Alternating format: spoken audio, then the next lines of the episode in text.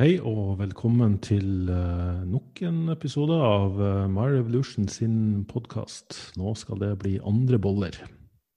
Mitt navn er Børge Fagerli, og i dag har jeg fått med meg en uh, person som jeg, er veldig glad i, jeg bryr meg veldig mye om. Vi connecta skikkelig på en fest for mange år siden.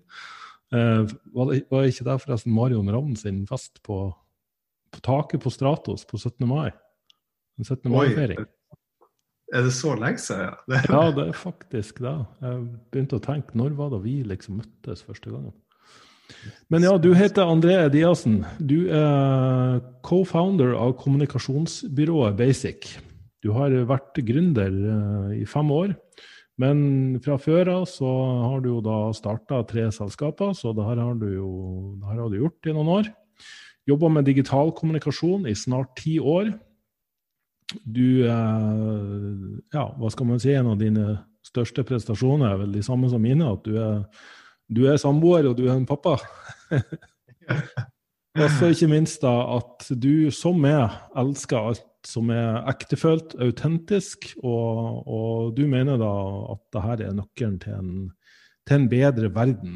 Eh, kan du forklare meg litt mer om hva du mener om det? Yes.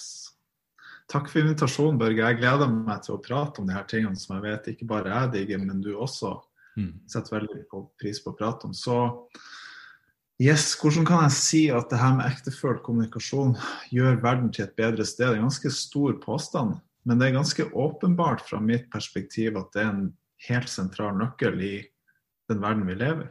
Mm. Fordi jeg har levd konsekvensene av å ikke være ektefølt. Ikke være den jeg føler meg som er autentisk osv. Og, så og jeg skal ikke gå så langt inn i politikk for å se konsekvensen av hva det falske representerer, og hvilke ringvirkninger det får på verden. Mm. Og det her med å være ektefølt og det å finne noen ting i oss sjøl som er autentisk og føles riktig for oss sjøl, det har i hvert fall gjort meg til et bedre menneske, og det er det jeg ser rundt meg også. Ja, og dere jobber jo med gründere, entreprenører og bedrifter for å finne det autentiske budskapet. Fordi Um, og da husker jeg, jeg har jo jobba med det sjøl, at da var en veldig viktig del av det å, å For jeg kom inn i det her veldig fra der, uh, det perspektivet om at vi må ha de riktige teknikkene. Vi må ha en sånn salgstrakt. og det må være en stegvis prosess. Og for meg ble det så fryktelig mye systemer og metoder og prinsipper. Men da når jeg møtte det, så var det nei, men da feier vi litt av banen, og så begynner vi med det her med din autentiske stemme. Hva er det du står for? Og det, det traff meg veldig. Det, det, det var litt sånn, Jeg får litt sånn gåsehud bare sitte og snakke om det. Så hva var det som gjorde at du, du endte opp der? Og, og, fordi som, som jo introduserte med det her, du har jo jobba med det her i såpass mange år. Og i stedet for at det er blitt enda mer sånn metoder og strategier rundt det, så, så, så, er det nesten litt mer sånn spirituelt, det her. Mm. Wow, jeg elsker det spørsmålet her. Det er et skikkelig godt spørsmål. Fordi ja, som du sier, jeg kommer fra klassisk markedsføringsverden. Du må ha en hook, du må ha attention, du må ha desire, interest. Alle de her taktikkene som du sier for å få folk til å se hvem du er, og ta action og kjøpe hva enn du har. Og Jeg kom veldig som sagt fra den modellen. og når jeg begynte å jobbe spesielt med gründere, og med hundrevis av gründere, så begynte jeg å se at vent litt, det er noe annet som rører seg her. Det er ikke den hooken, det er ikke at videoen er fem minutter, det er ikke at, at tittelen er sånn og sånn. Det er noe dypere som går inn i det her. Og jo mer vi begynte å se at gründere kunne få de kunne få vidt forskjellige resultat basert på akkurat samme system. Akkurat samme strategi, akkurat samme taktikk. Så når vi begynte å nøste tilbake, så ser jeg at OK, det her handler mer om inputen. Og for å putte et bilde på det, hvis man tenker en sånn megafon, så driver alle og snakker om at du må skru opp til 1200 watt, til 500 watt, du må ha en rød megafon. Mens det vi oppdaga, var at de som virkelig connecta og fikk frem noen ting som var genuint, autentisk og ekteført for dem, så så vi en gjennomslagskraft umiddelbart. Og da måtte jeg i all ydmykhet innse at hmm, OK, så selv om jeg har utdannelse i det her, selv om jeg har brukt masse tid på å lære meg alle tips, triks, hooks, strategier, you name it, så var det noe mer grunnleggende som måtte være på plass. Noe mer enklere. Mm.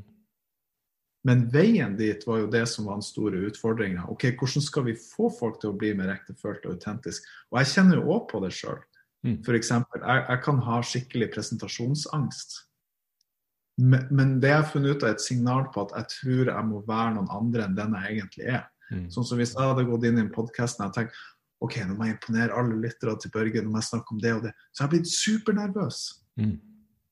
Men i og med at med deg, i og med at vi har så god kjemi også, så er det enklere for meg å bare være den jeg føler at jeg virkelig er. Som gjør at de i gåseøynene riktige ordene osv. bare flyr ut uten for mye tenking og effort. Nettopp. Så, så, hvordan kan en, eh, en, en, lytter til denne episoden begynne å jobbe for å finne din indre stemme, sitt autentiske budskap? Da er det det første spørsmålet. Og, og, det andre er vel kanskje hvordan, hvordan kan man tørre å snakke fra, fra det stedet? Ah, du, det er igjen Jeg elsker å kunne svare på det spørsmålet. For akkurat, akkurat de her tingene vi har stilt oss mange spørsmål, hvordan i all verden kan vi hjelpe folk? Og vet du hva, en av de beste spørsmålene, og jeg bruker det her ofte på samboeren min Katrine, som du også kjenner, jeg merker at hun ikke helt greier å uttrykke seg sjøl, og vi bruker det på kundene våre, så det er sånn Hva er det du kunne tenkt deg å si som du syns er skummelt å si? Mm. Det spørsmålet der Du aner ikke hvor mye innsikter, tårer, hendene i været, sammenkrympning, ekspandering, så mye følelser vi har sett når vi stiller det spørsmålet. Og det kommer så mye gull ut. Jeg er helt sikker på at hvis du har mange gründere, entreprenører, og bedriftseiere som hører på det her, så er det ofte som at ja, vi må si nei, vi kan ikke det, for vi har alltids gjort det, eller folk vil ikke forstå. Men i min erfaring så har alle noen ting de virkelig ønsker å si, men som er holdt litt tilbake av en eller annen form for frykt. Mm. Jeg har opplevd det gang på gang i basic-prosessen. Jeg er den som er ansvarlig for å uttrykke hva vi holder på med i basic, og jeg har blitt utfordra på den gang på gang. Så det å stille seg sjøl spørsmålet hva er det du har lyst til å si som er skummelt eller vanskelig, eller kanskje enda bedre, som du ikke har lov til å si. Mm. Ikke lov som i bryt loven, det er ikke det jeg oppfordrer til. I forhold til rammene, i forhold til industrien du er i, bransjen du er i. Mm. Du har et eller annet du vil si som kanskje, mest sannsynlig min erfaring, som holdes tilbake av frykt. Finn det. Mm. Og del det med naboen, med partneren, med hunden din, med hva enn. Bare våg å dele de her tingene med noe levende. Ja. ja. Apropos ulovlig, det er ikke sånn at folk sier at jeg kunne tenke meg å rane en bank, egentlig. jeg tviler på at det stemmer Klausulen her, så skal vi diskutere det videre. Ja, nei, men Jeg skjønner hva du mener, og grunnen til at jeg syns det er et interessant tema, er jo fordi alle går jo og kjenner på akkurat det. Enten du driver bedrift og skal skape suksess, eller du skal prøve å få et, eh, en relasjon til å fungere, vennskap til å fungere, eh, kjærlighetsforhold til å fungere. Eh, oppdra barna dine. Det sånn, jeg, jeg merker bare på meg sjøl hvor mye man tar seg sjøl i å kanskje vri og vende litt på, eller endre litt på, for, å, for at jeg ikke skal Vi prøver å, å, forutse hvordan den andre parten vil reagere på, på det vi har å si. Yes. I stedet for å bare Yes. si det. Der har du det. Vet du hva? Det du sa nå, Børge, det er så nøkkelen. Igjen, eh, jeg kan dra det over i businesskontekst, for det er absolutt sant i min opplevelse, det du sier òg. Men det som kjører oss mest fast når det kommer til å være ektefølt, genuin, om det er livet, markedsføringa, det er at vi prøver, akkurat sånn som du sier, å tenke oss til hva er det folk der ute vil høre, eller hva er det jeg vil folk skal gjøre, istedenfor hva er det jeg har lyst til å si. Mm. Det er en, helt, det er en sånn liten perspektivendring som kan gjøre veldig mye på formidlinga vår. Så det er hva er det, og hva er det som skjer i det her rommet, da, med de, de kundene dere jobber med? Hva er det som skjer når du faktisk For jeg, jeg opplever jo det her som at vi kan sitte og ønske å snakke sant, eller si vår sannhet, eh, men så frykter vi sant, hvordan det her blir mottatt. Og dermed så sier vi aldri det. Og, og fordi vi aldri får sagt det, så får vi heller aldri en feedback på om det her er innenfor eller greit, eller hva det her kan skape av resultat. Men du har jo da sett hva det her faktisk kan skape, ikke bare i dine egne nære relasjoner, men også for de personene du jobber med, og i deres business. Absolutt. Og det jeg ser, er at hvis man ønsker å oppgradere businessen sin, la oss si man ønsker mer vekst, ønsker flere kunder, hva enn man ønsker, som regel er det noen av de to tingene, så må jo den veksten komme fra et sted.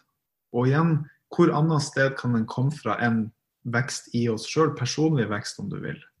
Og Det vi har funnet ut som den største katalysatoren for personlig vekst, det er at vi kan hjelpe folk til å se hvem de egentlig er, og hva det er som bor i dem. Mm. F.eks. alle vi jobber med, har en helt fantastisk historie. Men hvis det er litt sånn på selvutvikling, nei, storyen og ego, det er ikke så viktig. Men så er det ofte noen diamond in the dirt. Det er noen ting med storyen sin som ikke alltid er fullstendig inkludert, integrert, oppdaga, de tingene er vi veldig nysgjerrige på. Fordi med vår egen historie blir vi veldig vant med, eller kanskje nummen til Nei da, det var noe sånn, det var litt tøft for to år siden, så kommer man ut. Så, hopp, så, merker vi at folk hopper over svært sentrale deler av livet. sånn, Wow, kom du deg gjennom det? Ja, hva var endringa? Jeg bare innså Så forteller de en dyp innsikt. Og så er det sånn OK, har du delt det her med verden før? Nei. OK, har du, har du vurdert det? Har du klart hvor kraftfullt det her er? Og så sier de Er det det? Så mye av jobben vår går på å minne folk om hvem de egentlig er, og enda viktigere Børge, at de kan få erfaringer av det øyeblikk av hvor mye kraft deres historie, deres reise har hatt, hvor mye impact de har hatt på kundene de har jobba med. Alle de her tingene ser at mange gründere, til og med bedrifter, vi blir blind for det. Mm. Vi tar, vi, om vi tar det for gitt, jeg vet ikke helt hva som skjer, men den påminneren om den krafta som bor i de, og hva de er i stand til å gjøre for kundene sine, det er en veldig sentral del av det vi holder på med. Så hadde styremøte for et par uker siden, og det gikk det opp for oss at vi står vel registrert som et markedsføringsbyrå. Og nå driver vi diskuterer skal vi kalle det coaching-konsulent eller kommunikasjonsbyrå. For vi ser at når vi jobber med gründere, da er det én til én. Da er det egentlig coaching. Men nå når en stor bedrift, da kan ikke gå inn døra og si ok, nå skal vi gjøre coachingprosess på dere for fritt budskap. Da må vi kalle det noe annet for å gi mening. Ja, jeg ser jo på det som coaching er noe du gjør på en person, hvorvidt det er en leder eller det er en gründer, entreprenør. Mens consulting eller konsulentvirksomhet er noe du gjør på et problem. Ikke sant. Og en, en business kan da ha problemer med f.eks. vekst, eh, utgifter, organisasjon, eh, strategi, som må løses. Og da må man gå inn som consultants, liksom, eller konsulenter og, og kanskje kommunikasjonsrådgivere. Fordi det ofte kan være kommunikasjonssvikt. Mens på enkeltpersonnivå, og være seg ledere eller det er talenter eller det er mellomledere, så må du gå inn som coach og stille de riktige spørsmålene for å rett og slett hente ut det beste i akkurat den personen. Det var en fin distriksjon, og der er en av de tingene som, som jeg stiller meg som et spørsmål. Jeg mener virkelig at større bedrifter også er klar for å gjøre det her skiftet her. Og verden, Den gamle verden går og venter på at det skal komme tilbake. Det skjer ikke. Det gamle er på en måte, sånn som jeg ser det, det er dødt. Det her med at vi kan um, Kanskje fra et høyt perspektiv, da, politikere osv. Vi snakker noen ting som ikke er sant. Den, den dimensjonen der er død. Jeg gleder meg til å se den første politikeren som kommer ut og som tør å være ektefølt. Som sier mm. OK, vi screwed up, det her var ikke bra. Og som bare sier det sånn som det er. Kan du se for deg den politikeren som gjør det her? som tør å gå ut og være ektefølt og genuint, selv på et høyt nivå, på stortingsnivå. Jeg kan ikke se for meg noe annet enn hvor mange stemmer det partiet ville ha fått, nesten uavhengig av om de er venstre- eller høyresida. Ja, apropos det, vi sitter jo her, vi begynner å nærme oss eh, valget med amerikanske presidenten, og vi har eh, fulgt med litt på en sånn dokumentarserie som går her. Og da er egentlig det forundrer meg veldig hvor mye tid som brukes på å skjule sannheten og, og vri på sannheten og eh, gjemme sannheten, i stedet for å faktisk bare eie den og, og gå ut med den. Jeg har jo um, fra mitt ståsted også vært veldig redd for at noen skal avsløre meg, hvis det gir mening. Altså litt denne imposter syndrome. Det har alltid følt at nei, det er noe i veien med det, og da tør jeg ikke å jeg tør ikke å være ærlig på hvem jeg egentlig er, og hva jeg er redd for, og hva jeg har gjort feil. Og gjennom veldig mye selvutvikling og jobbing med meg sjøl, med hva jeg frykter, med hva jeg står for, så har jo jeg egentlig utelukkende opplevd at jo mer ærlig jeg har vært, jo mer positiv feedback får jeg.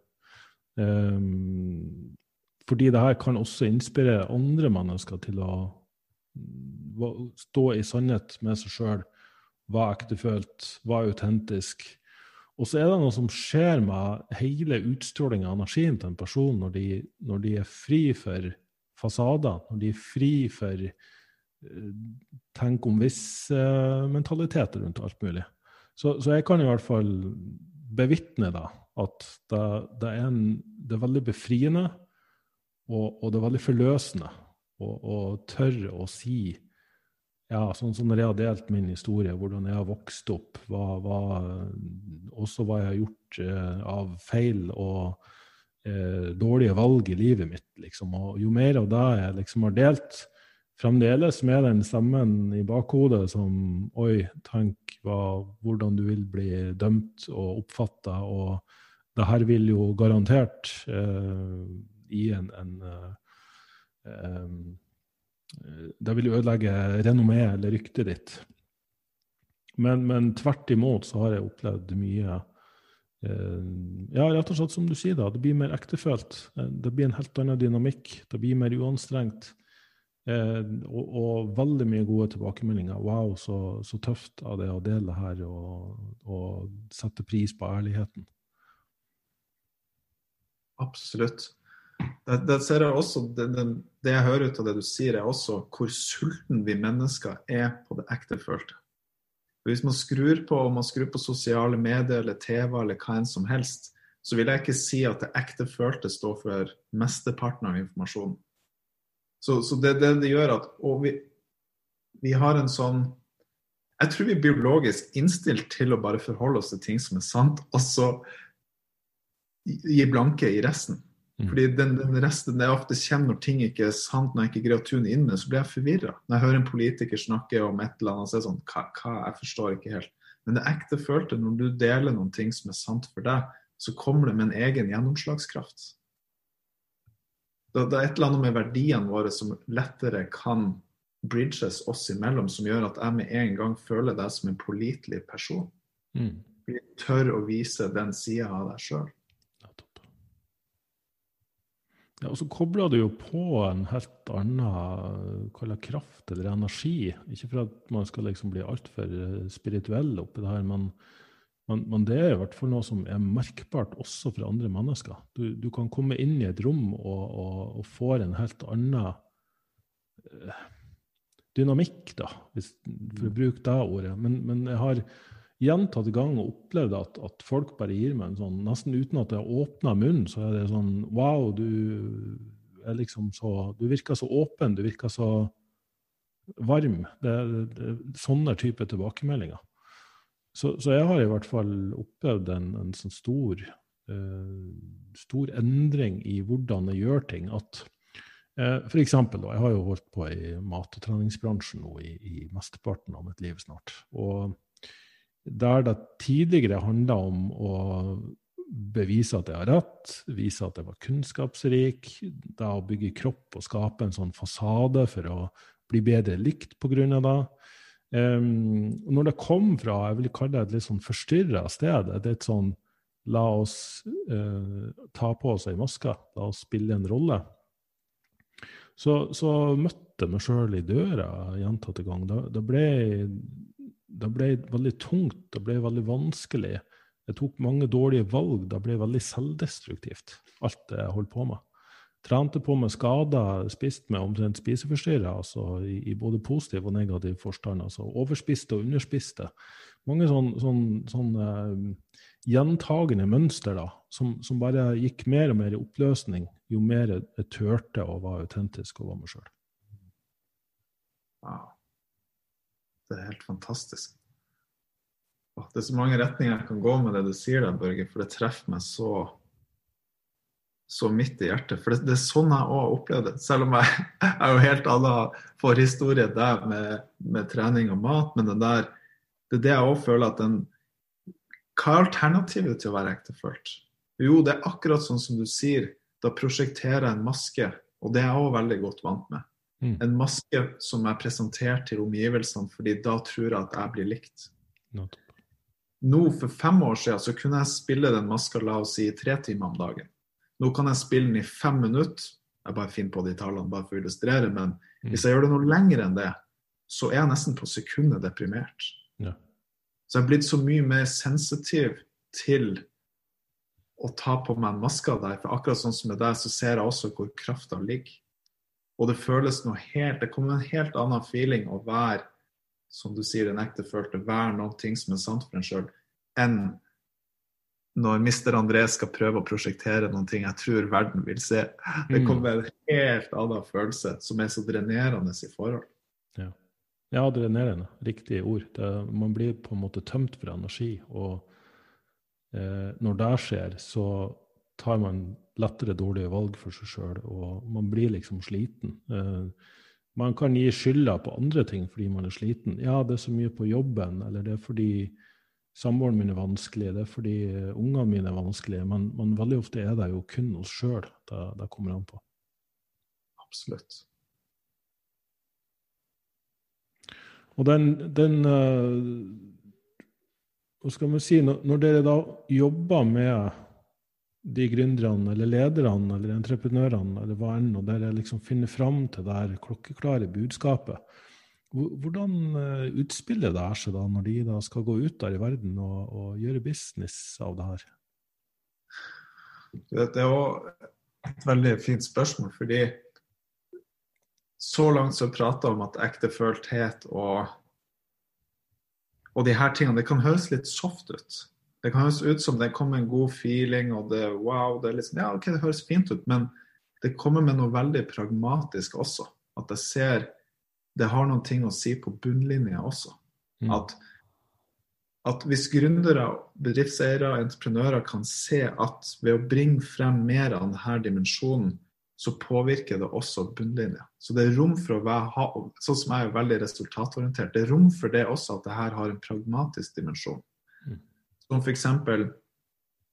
hvis jeg da jobber med veldig resultatorienterte mennesker, så kan det være fint å bringe den linken der at OK, det kan være litt sånn Vi må komme i kontakt med noe som er autentisk og ektefølt, men vit at det vil gagne deg selvfølgelig som person, som vi har vært innom tidligere, positivt òg, men, men bunnlinje også. Fremdriften til selskapet. Hvilken type mennesker, ansatte, investorer, alt du tiltrekker deg, det vil komme som følge av det her.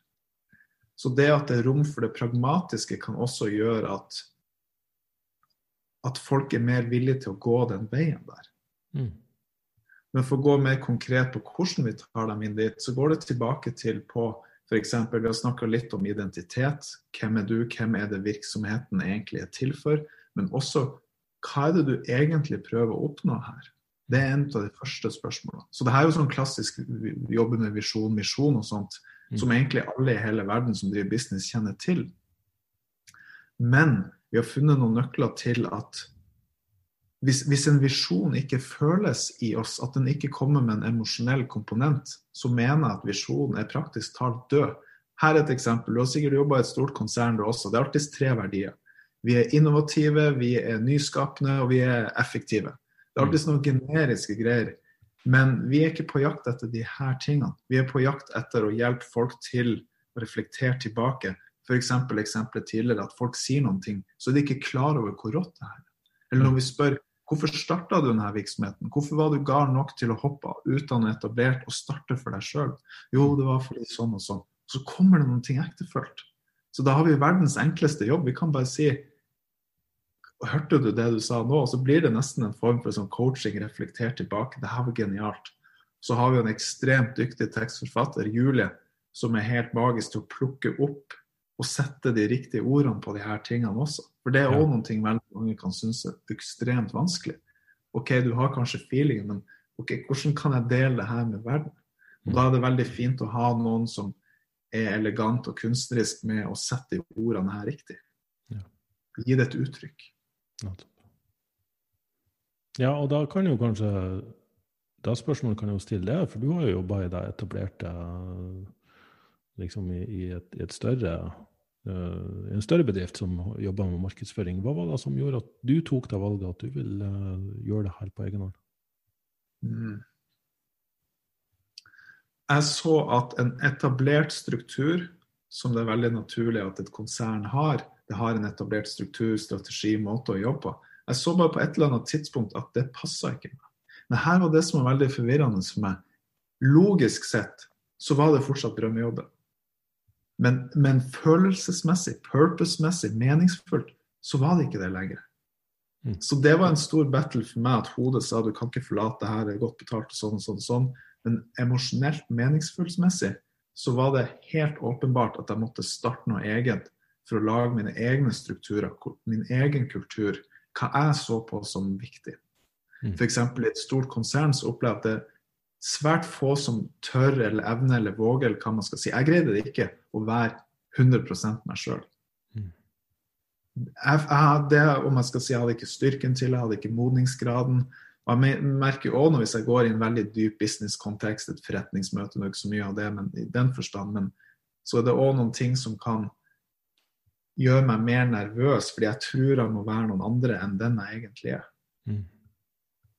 Så f.eks. når vi får forespørsel fra et, et gigaselskap, da er det også sånn Da er det rett opp i hodet OK, kan skal jeg snakke om det ekteføltes? Kan jeg få den der om du kalte det imposter syndrom, hvem, ja. hvem, er jeg til å, å, kunne snakke om de her tingene?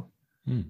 Så jeg vet ikke om det var svar på det du spurte om. Men... Jo, veldig. Um, og kanskje òg relatert til det du, du, nevnte her tidligere, at uh, da måles ofte i tall på bunnlinja uh, omsetning, fortjeneste.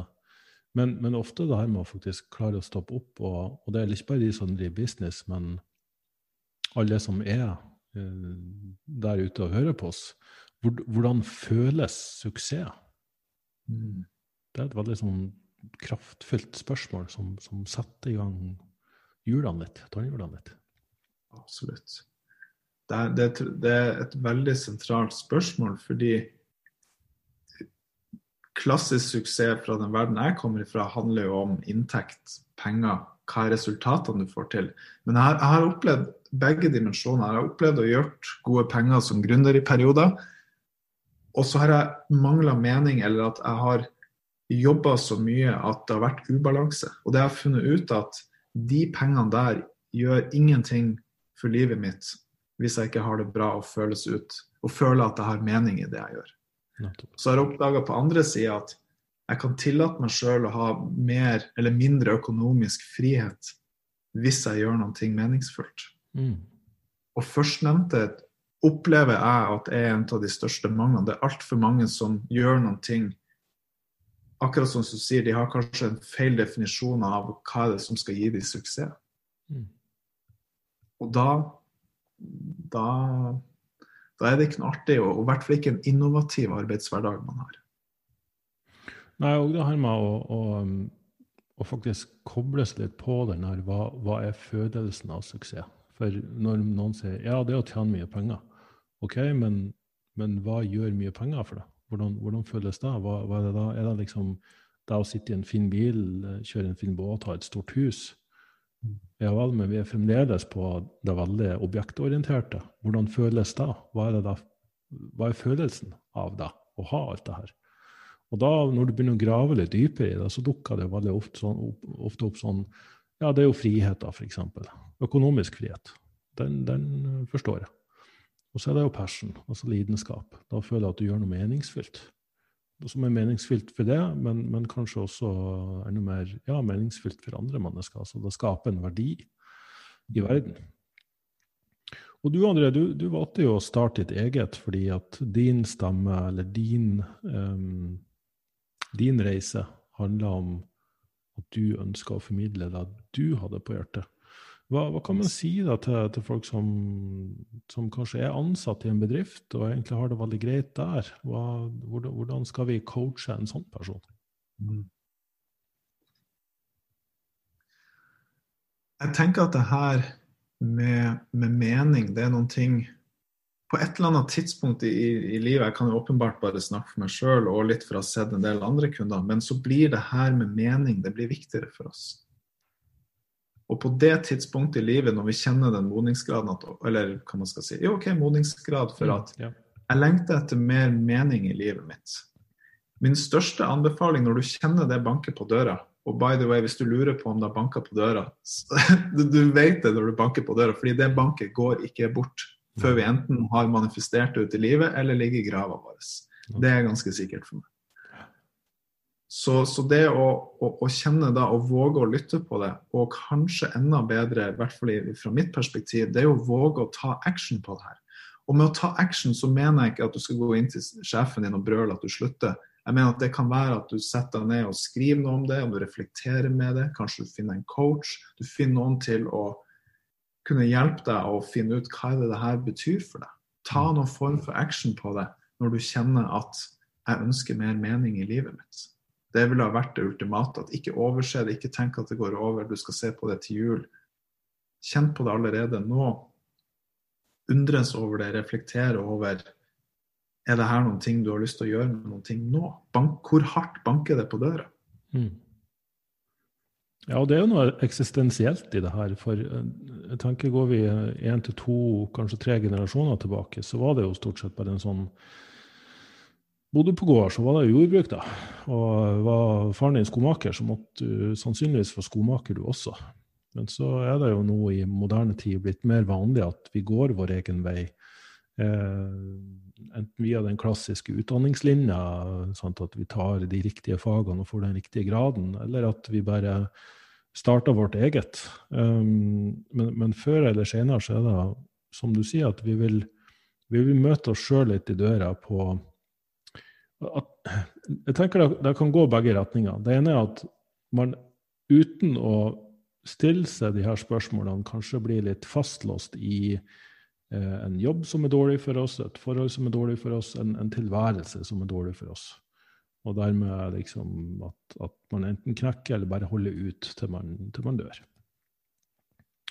Eh, det andre er at det her kanskje for noen hvis de ikke har den skal jeg kalle det riktige sparringspartner, eller, eller får, får, det her eh, kultivert, forløst på riktig måte, at det løper litt løpsk.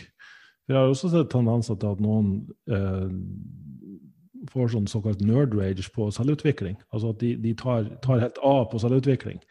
Og at det går altfor langt i skal vi kalle det, den spirituelle retninga. At, eh, at de ikke forholder seg til eller tar ansvar for de hverdagslige tingene, tar den, den, vonde samtalen med partneren sin, åpner regninga som kommer i posten, eh, tar den praten med sjefen din om hvordan du egentlig har det i, i, i jobben din.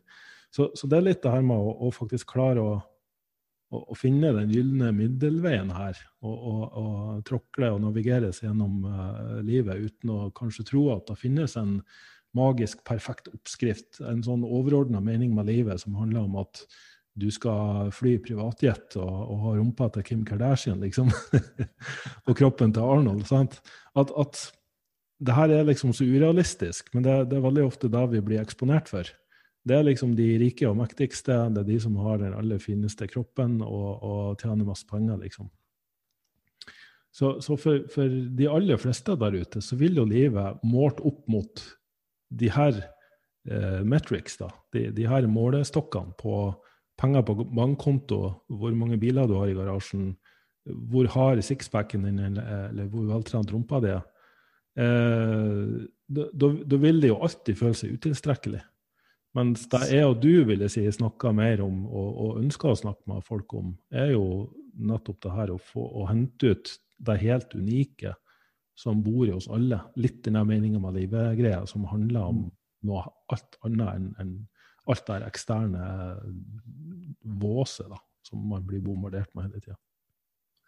Det der er så spikeren på hodet, Børge. fordi hvis jeg skal ta min livshistorie oppsummert på ti sekunder, så er det sånn Frem til slutten av 20-årene så var jeg en ekstrem materialist. Alt spirituelt tøv i gåsøya. Og du kunne ikke prate med om sånne ting. Jeg ville kasta deg ut. Mm.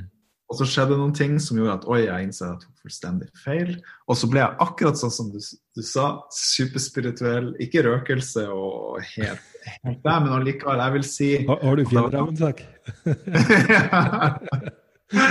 så langt gikk det alltid. Men, men, jeg ble veldig sånn Ja, vi alle oneness, alt skal være en god følelse. Alt bare, bare veldig der oppe, da.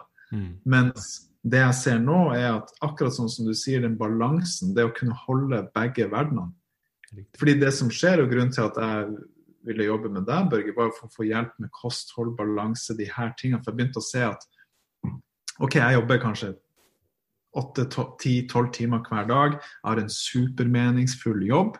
Mm. Men kosthold og trening, nei, det trenger jeg ikke når jeg har purpose in life. Det er bare, Jeg blir jo av life itself. Hvordan trenger jeg sånne her dødelige ting? Men det jeg ser, er at jo, man trenger både òg. I hvert fall trenger jeg det. Og jeg tror det vil gjelde veldig mange andre mennesker.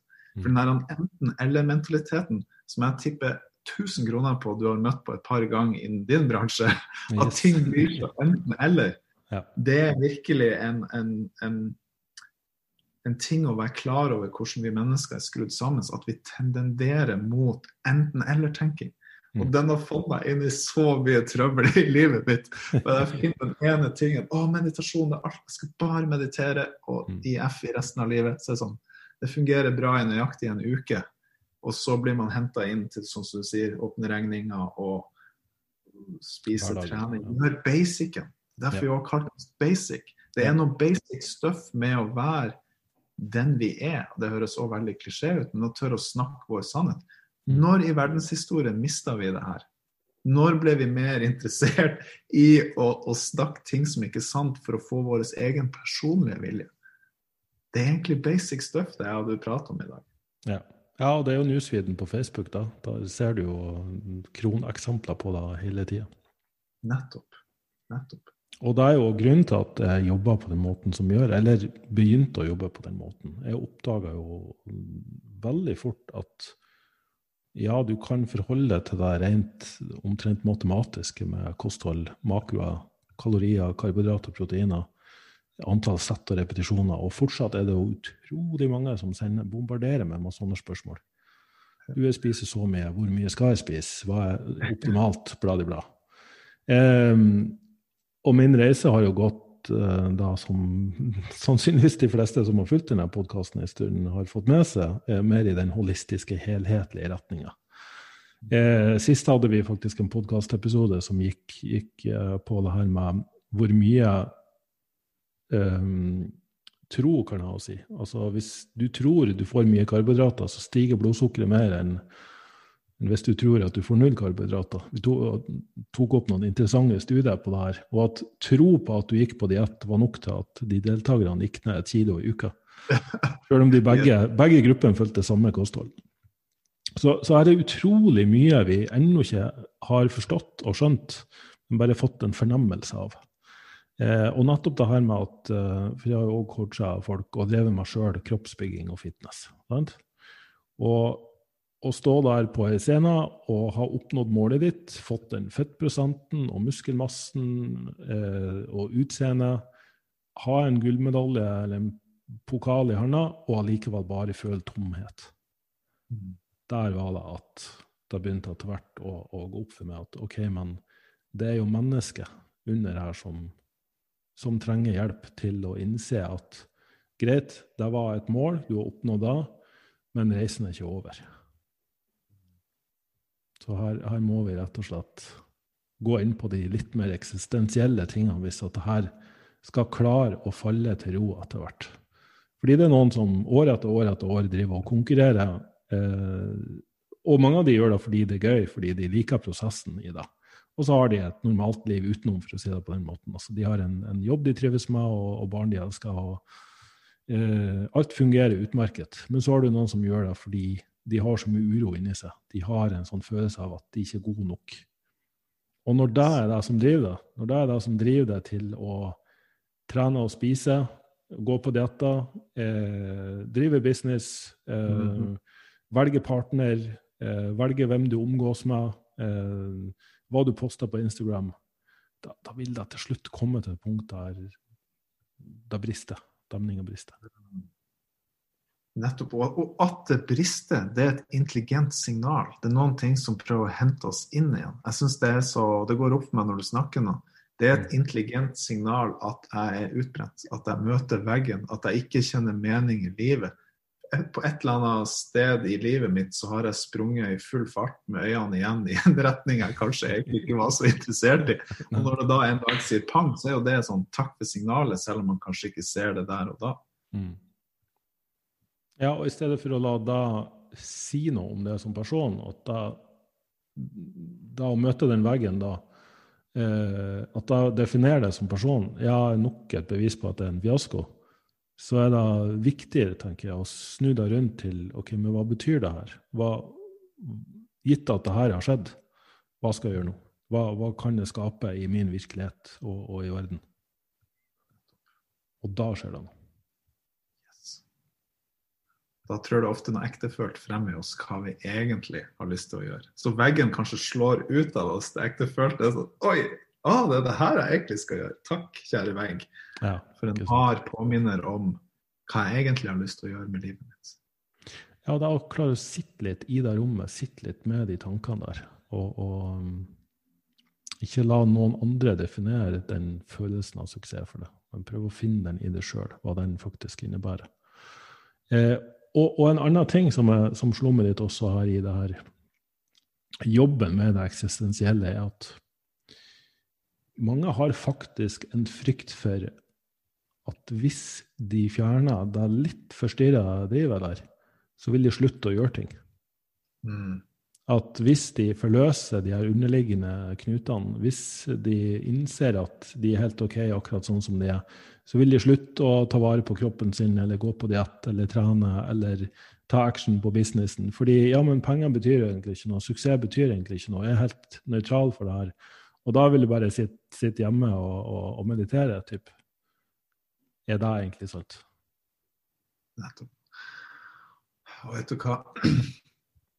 Jeg tror det vi Sånn det ser ut for meg, så er det han å bli mer hengiven til prosessen, om det er prosessen av business eller liv eller hva det er, å finne glede i det man gjør i øyeblikket, det opplever jeg så sentralt. Spesielt hvis man er gründer og skal starte noe eget. Akkurat sånn som hun sier, hvis man har de der harde materielle målene, det drar en ikke like langt som at man faktisk liker prosessen og føler at man gir og deler noen ting som er betydningsfullt for en sjøl. Der, ligger det også så mye gjennomslagskraft, og kanskje viktigst av alt Jeg har opplevd på at det gjør noen ting med energinivået mitt. Mm. Sånn som denne samtalen. Jeg kjenner at det er et løft i det.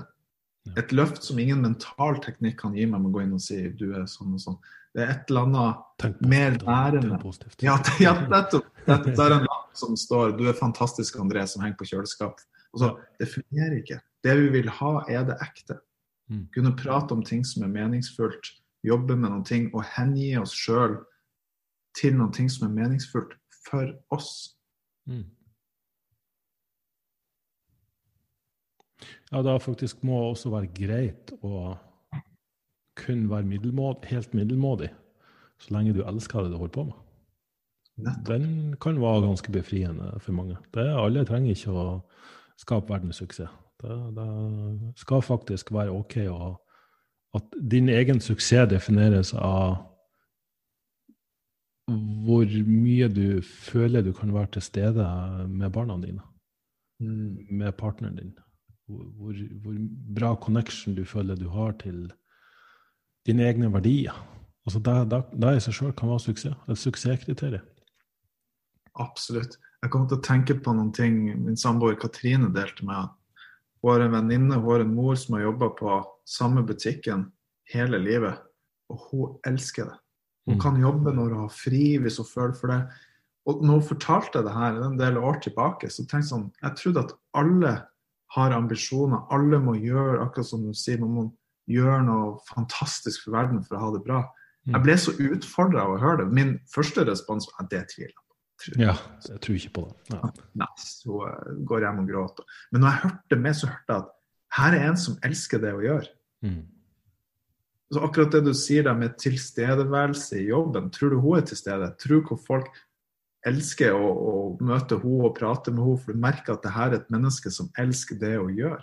Så egentlig kan man nesten ta formen ut. Det er en litt sånn frigjørelse for folk. Det spiller ingen rolle hva du gjør nødvendigvis, men at det er meningsfullt for deg, det føler jeg virkelig er den retninga verden beveger seg. Jeg ser den yngre generasjonen, de som er 18-20, starten av 20-årene, og de er mye mer opptatt av mening.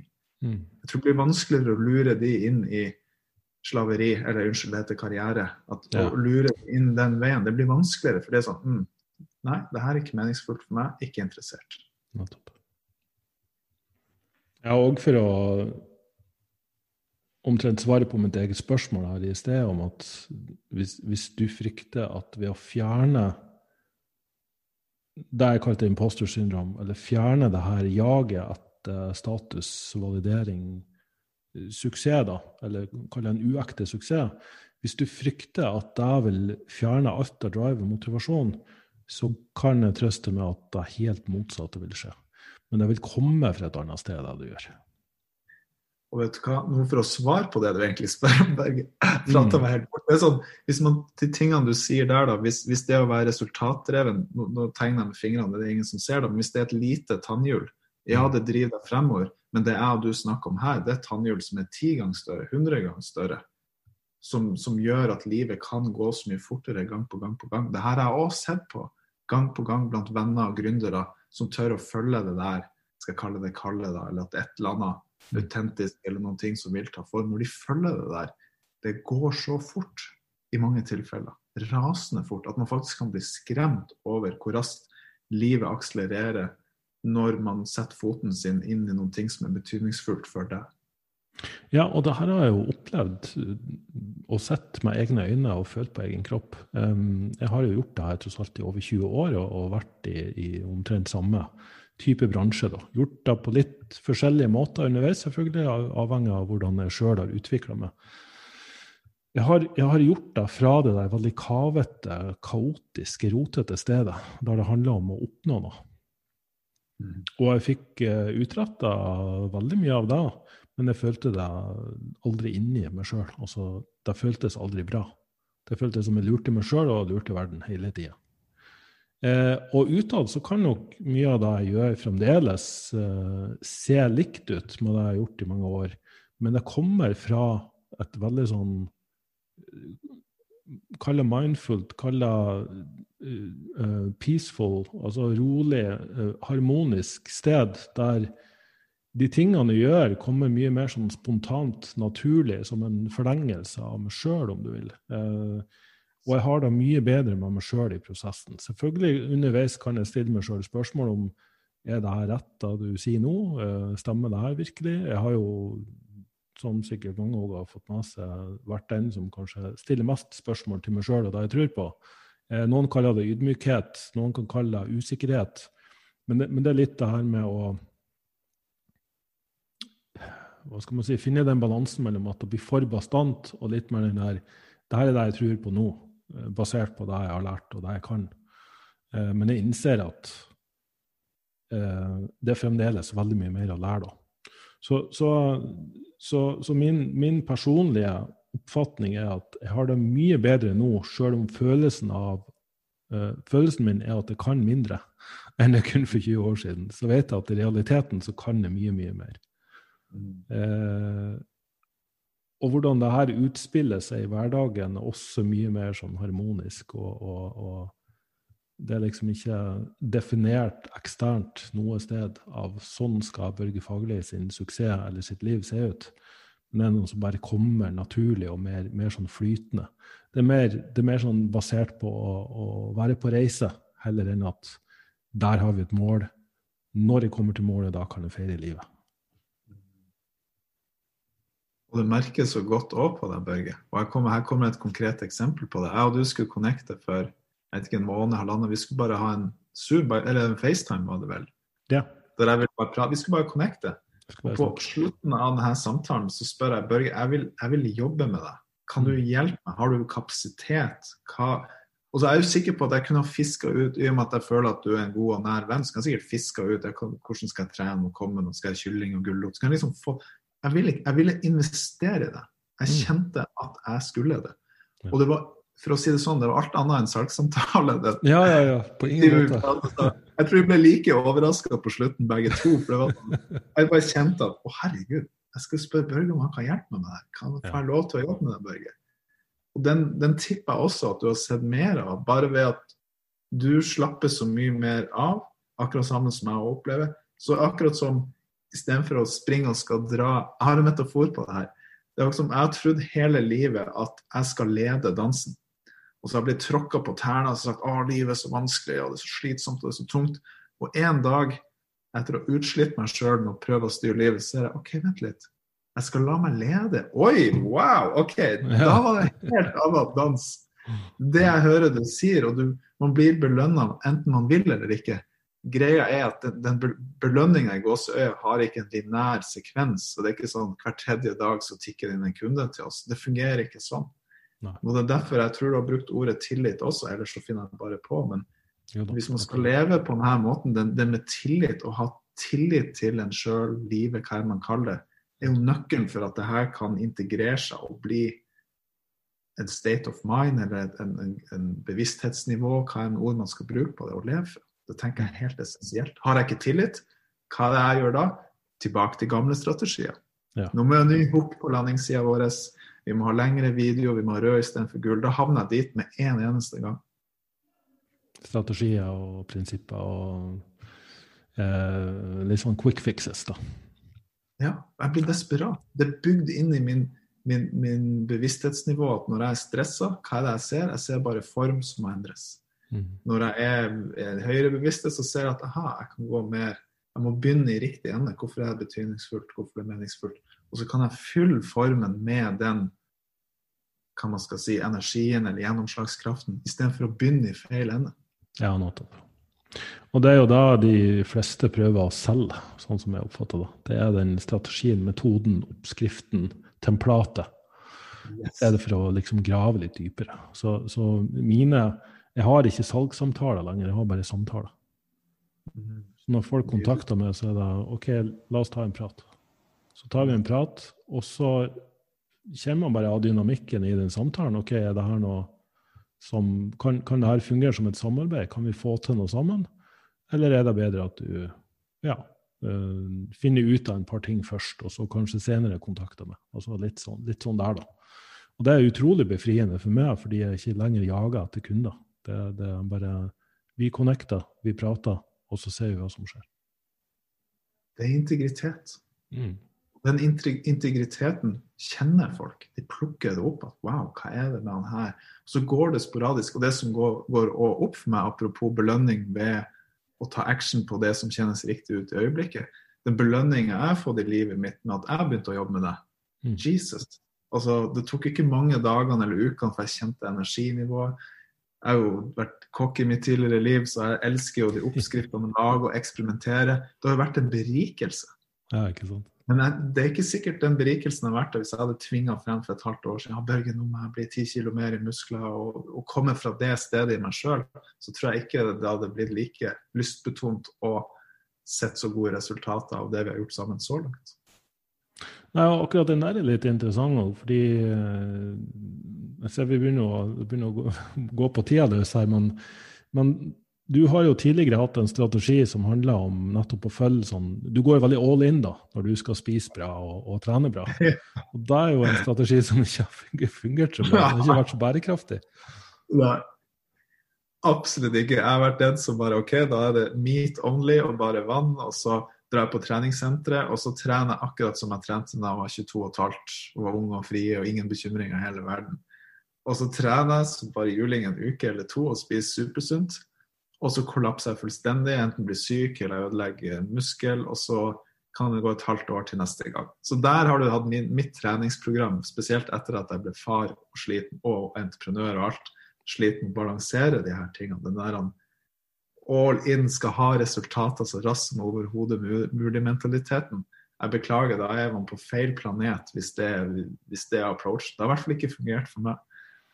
Nei, og det er jo holdt på å si, de, de jeg foretrekker å jobbe med, eller kan jobbe med, det er jo de som er der du er nå, da. På det stedet i livet der du har fått de her innsiktene. At det å jage etter det veldig kortsiktige, overambisiøse, i stedet for å integrere det her som en del av livsstilen. Og den, den, hele den forståelsen, da da, da gjør det her òg for meg mye mer givende å jobbe med, og du får jo da de resultatene som er deretter. Absolutt. Absolutt. Nei, men André, da må jeg jo bare si tusen takk igjen for nok en hyggelig samtale. Hvor kan folk finne ut mer om det og hva ditt byrå driver med? Du kan gå på gobasic.no. Da kommer du til nettsida vår, og der er det enkelt å ta kontakt. Der står det også på om oss-sida så står det nummer og e-post direkte til meg, hvis noen føler for det. Mm. Eller så er det bare søk navnet mitt, André Diassen, på Facebook. Send meg en PM, som det heter på Facebook. Hva enn som føles riktig og naturlig ut. Superartig at hvis du som hører på blir truffet, vil høre mer. Det er bare å sende melding. Dere har jo òg veldig mange gode vil jeg bare nevne, mange gode videoer eh, som ligger De ligger vel på Facebook, jeg vet ikke om dere har de på andre? Ja. Ektefølt kommunikasjon heter det der. Takk, Berge, for å nevne det. Ja. Så, så det, det, er veldig sånn fint treffende, mange av de der som òg dere har jobba med, som jeg tror alle kan kjenne seg igjen i. det. Altså. Så det, det, det, kan virkelig anbefales på det varmeste. Tusen takk, Børge. Og tusen takk for invitasjonen. Ja, takk det samme. Det var kjempefint å, å få det med og få formidla det her til, til, folk. Så da får du ha en fortsatt strålende dag, så uh, snakkes vi plutselig. Vi gjør det, Børge. Ha det bra. Ha det.